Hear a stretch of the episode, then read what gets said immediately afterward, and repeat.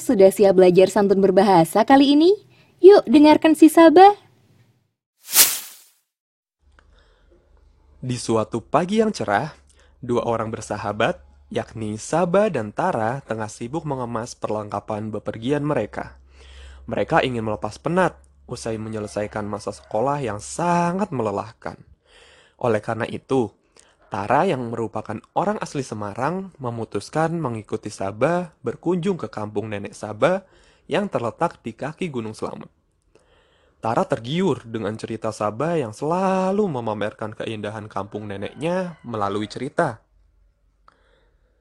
Singkat cerita, sampailah mereka di gerbang desa. Sepanjang perjalanan, Sabah dan Tara sering kali berpapasan dengan warga desa yang akan berangkat ke sawah maupun ke pasar. Maklum saja, mereka sampai di desa Sabah waktu pagi hari, tepat ketika para warga desa memulai aktivitas harian. Sabah menyapa setiap warga desa yang ditemuinya, begitupun Tara. Hingga di ujung jalan, mereka berpapasan dengan seseorang yang sedang mengendarai kereta sapi dan membawa hasil panen dari ladang. Eh, eh, ada bajingan! Halo bajingan, mau ke mana nih pagi-pagi? Sapa Sabah dengan cukup lantang. Mengetahui bagaimana Sabah menyapa orang tersebut, Tara pun terkejut dan sontak menyikut Sabah. Eh, eh, Sab, apa-apaan kamu? Kenapa kamu mencaci orang itu? Apa salah dia? Ucap Tara terheran-heran. Oh, kenapa memangnya? Dia memang bajingan, dan aku kenal dengannya. Jawab Sabah sama terherannya dengan respons Tara. Iya, iya. Tak apa jika memang kamu sudah kenal dengannya. Tapi tidak perlu mencaci dia bajingan seperti itu kan? Balas Tara yang sudah merasa tak enak hati kepada orang yang dipanggil sahabat tadi. Sebentar. Oh. Sepertinya ada salah paham di sini. Jadi begini, Tar. Bajingan itu artinya orang yang mengemudikan kereta sapi tradisional. Memang sudah dipanggil seperti itu sejak dulu, Tar. Kamu juga tidak salah karena sekarang kata bajingan lebih kental dengan makna negatif dan menjadi kata umpatan, terlebih di kota. Namun, asal-usul kata bajingan tidak negatif kok. Jelas Sabah mengetahui bahwa telah terjadi kesalahpahaman antara dirinya dan Tara. Oh, begitu. Aku baru tahu tentang hal itu. Jawab Tara. Ayo, ayo, kita istirahat dulu di saung pinggir sawah itu. Sekalian aku jelaskan lebih lanjut mengenai kata bajingan itu. Ajak Sabah. Jadi, kata bajingan memang berkembang di daerah Banyumas, termasuk kampung nenekku ini. Kami menggunakan kata itu untuk memanggil sopir atau pengendara gerobak sapi ketika kami hendak pergi ke kota. Namun, kerap kali bajingan datang tidak tepat waktu dan warga desa kesal menantinya.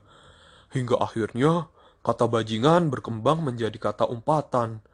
Bahkan, sekarang kata itu sudah sangat terkenal menjadi kata umpatan. Terang Sabah. Oh, pantas saja akhirnya bajingan menjadi kata umpatan ya. Walaupun pada awalnya makna itu tidak negatif sama sekali. Benar. Hal ini menggambarkan bahwa sebuah kata bisa memiliki makna positif dan negatif, tergantung situasi dan kondisi penggunaannya. Bukan begitu? Jika aku menggunakan kata bajingan ketika berargumen dengan seseorang atau mengucapkannya kepada seseorang yang tidak mengerti makna aslinya, tentu akan menimbulkan masalah. Sebaliknya, jika aku menggunakannya untuk memanggil sopir gerobak sapi di desa ini, tentunya tak akan menjadi masalah, karena memang kata bajingan digunakan untuk itu. Jelas Sabah panjang lebar. Ya, ya, benar sekali. Seperti tadi, karena aku tidak tahu arti kata bajingan sebenarnya, aku hampir saja salah paham. Tetapi, ternyata kata bajingan pun memiliki arti yang tidak negatif juga ya. Memang kita perlu memperhatikan penggunaan bahasa kita dan situasi ketika menggunakannya. Balas Tara. Benar sekali.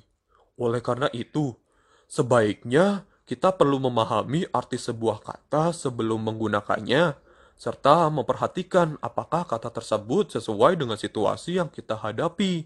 Sambung Sabah.